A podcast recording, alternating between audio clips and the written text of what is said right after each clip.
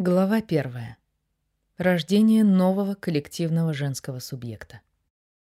Конец женской невидимости. 14 июня 2020 года. В разгар предвыборной кампании в Беларуси была арестована арт-коллекция Белгазпромбанка «Парижская школа». Эта коллекция объединяла художников еврейского происхождения, которые эмигрировали с территории современной Беларуси в Париж в начале XX века. Сегодня самый известный представитель этой школы – Марк Шагал. 150 картин из корпоративной коллекции Белгазпромбанка общей стоимостью в 20 миллионов долларов были сняты со стен галереи «Арт Беларусь», располагавшейся во Дворце искусств, Палац мастатства. Государственный телеканал «Беларусь-1» сообщил. Тем самым был предотвращен вывоз картин для продажи за границу. Также они привлечены к уголовному делу в отношении ряда сотрудников Белгазпромбанка. Однако совсем скоро станет понятно, что уголовное дело было открыто в первую очередь против Виктора Бабарика, еще совсем недавно председателя правления этого банка. Этот пост 56-летний мужчина – занимал на протяжении 20 лет и оставил его в связи с решением участвовать в президентских выборах в Беларуси 2020. 18 июня за арестом арт-коллекции последовал и арест самого Виктора Бабарика. Вместе с Евой. Публичную известность этот кандидат в президенты получил благодаря своей меценатской деятельности. В 2008 он учредил Международный фонд помощи детям шанс. А в 2018 году по его инициативе Белгазпромбанк профинансировал белорусскоязычное издание пятитомника Светланы Алексеевич 15 тысяч экземпляров для передачи их в дар белорусским библиотекам. Также Виктор Бабарика вернул в Беларусь подлинник Библии Франциска Скорины, изданной в Праге в 1517-1519 годах в белорусской редакции церковно-славянского языка. Арестованная арт-коллекция собиралась Белгазпромбанком, начиная с 2011 года, в то время, когда банком руководил Виктор Бабарика. Впервые она была показана широкой публике в 2012 и 2013 годах в Национальном художественном музее Республики Беларусь. А в 2017-м Белгазпромбанк открыл во Дворце искусств галерею «Арт Беларусь», для постоянного показа картин из коллекции Парижской школы.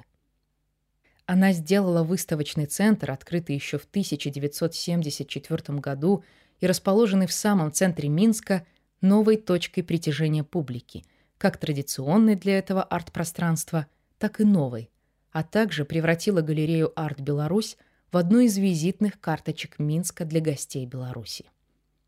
Лицом арестованной коллекции стал портрет Ева Хаима Сутина 1928 года. Уже 15 июня в Фейсбуке появился хэштег «Еволюция», под которым стали объединяться текстуальные и визуальные высказывания о Еве. В этом флешмобе участвовали не только женщины. Например, к нему присоединился руководитель свободного театра в Лондоне Николай Халезин, изобразивший Еву в тюремной робе. Художник Сергей Шабохин, поместивший Еву в центр парламентского заседания.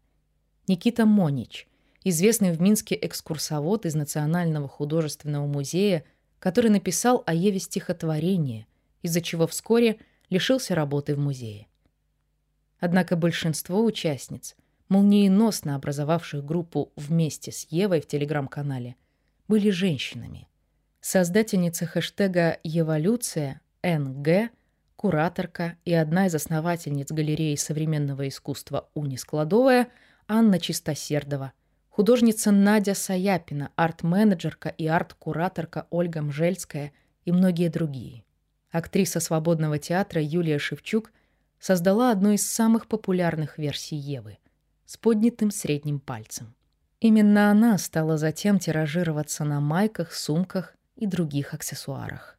И выбор Евы в качестве лица арестованной арт-коллекции и объединение вокруг него женщин едва ли были случайными. Ева Хаима Сутина выбивается из ряда женских портретов парижской школы, потому что не попадает в категорию объекта под мужским взглядом. А именно такая роль отводилась женщине в классическом искусстве. Ева — сама носительница взгляда, та, которая смотрит, то ли испытывая нас, то ли осуждая. Ее сложенные крест-накрест руки и черное строгое платье только усиливают этот образ и его субъективность. Объединение активных женщин вокруг Евы подтвердило, насколько важную роль они играют в белорусском арт-сообществе. Большинство активисток были с ним связаны. При том, что руководящие должности здесь занимали преимущественно мужчины. К примеру, в той же галерее «Арт Беларусь». Важно отметить, что поддержка Виктором Бабарика независимой культуры, помимо названных выше, важнейшими примерами являются Международный театральный фестиваль «Теарт» и креативное пространство ОК-16, позволила многим женщинам из арт-сообщества укрепить свои позиции и начать заниматься собственными проектами. Именно из этой сферы вышла музыкантка Мария Колесникова, которая вскоре станет лицом протеста. Однако многие женщины по-прежнему оставались невидимыми, словно ожидая выхода на сцену Евы Хаима Сутина. Также вместе с ней еще раз заявила о себе и еврейская культура, как часть мультикультурного белорусского наследия. Новые формы самовосприятия. Тема условий и причин невидимости женщин в культуре и памяти стала центральной в первой документальной книге Светланы Алексеевич – из цикла «Голоса утопии» «У войны не женское лицо», опубликованные в Минске в 1985 году. Писательница поставила своей задачей вернуть женщинам, пережившим Вторую мировую войну, голос, потому что конструкт мужской войны был не только однобоким и идеологизированным, но и одномерным. Такому формату военной истории не хватало истории о простых людях занятых, тем не менее, нечеловеческим человеческим делом. Под этим подразумевались усилия по сохранению человечности. Кто-то должен был перевязывать раны врагам и проявлять внимание и теплоту к фронтовым товарищам. Не переставать заботиться о своем внешнем виде, шутить, не терять присутствие духа и уметь радоваться мелочам в ситуации, которая по определению это отрицала. Как пишет Светлана Алексеевич, Наряду с рассказами о человеческих страданиях женщины всегда говорили и о страданиях земли, птиц, деревьев, что делало тему насилия неприемлемой до тошноты и в итоге становилось отрицанием самой войны. Как кажется, 70 лет спустя белорусские женщины смогли бросить вызов собственной невидимости, чтобы, как мы увидим дальше, предложить новые формы и стратегии самовосприятия, солидаризации – и мирного протеста для всего белорусского общества. Арт-солидаризация вокруг Евы Хаима Сутина обнаружила и другое измерение зарождавшегося уже тогда белорусского протеста – его креативный характер.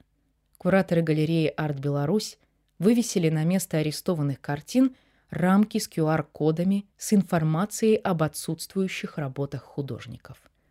1 июля художница Надя Саяпина – провела в этом пространстве перформанс «Достояние», цель которого, по словам одной из участниц, прожить системное угнетение вместе. В течение двух часов художницы и художники, арт-кураторки и арт-кураторы вместе с другими представителями широкого арт-сообщества стояли в черных одеждах, буквально уткнувшись носом в отсутствующие картины. Всего в перформансе – приняло участие более 20 человек, собранных в этом месте с помощью интернет-рассылок, и большинство из них составляли женщины. На их спинах были вывешены копии арестованных работ. Перформанс был записан и выложен в интернет, креативно, спонтанно, с использованием цифровых технологий, современно и профессионально, рискованно, с женским лицом. Все это — вскоре станет характеристиками новой широкой социальной активности в Беларуси. 18 июня, в предпоследний день сбора подписей в поддержку кандидатов в президенты и день ареста Виктора Бабарика, в 18.00 «Эволюция» вышла на улицы. Несколько тысяч человек образовали многокилометровую цепь солидарности вдоль проспекта Независимости в Минске. У кого-то на майках была репродукция Евы Хаима Сутина. Участницы и участники этой цепи солидарности продолжали стоять под проливным дождем до глубокой ночи. Акция длилась еще несколько дней и проходила не только в Минске, но еще в 18 городах. В Витебске, Гродно, Бресте, Могилеве, Лиде, Пинске, Барановичах, Бобруйске, Солигорске, Молодечно. Она сопровождалась брутальными задержаниями. Более 360 человек. Из них 260 в Минске попали в тюрьмы либо были приговорены к штрафам. Эволюция или революция? Спонтанное возникновение цепей солидарности по всей Беларуси стало первым показателем высокого уровня активизации белорусского общества, как и готовности режима на нее реагировать. За 26 лет своего правления Лукашенко сделал все возможное, чтобы лишить дееспособности политическую оппозицию, убивая и сажая в тюрьмы ее представителей. Также с помощью референдума 2004 года он снял законные ограничения для своего переизбрания.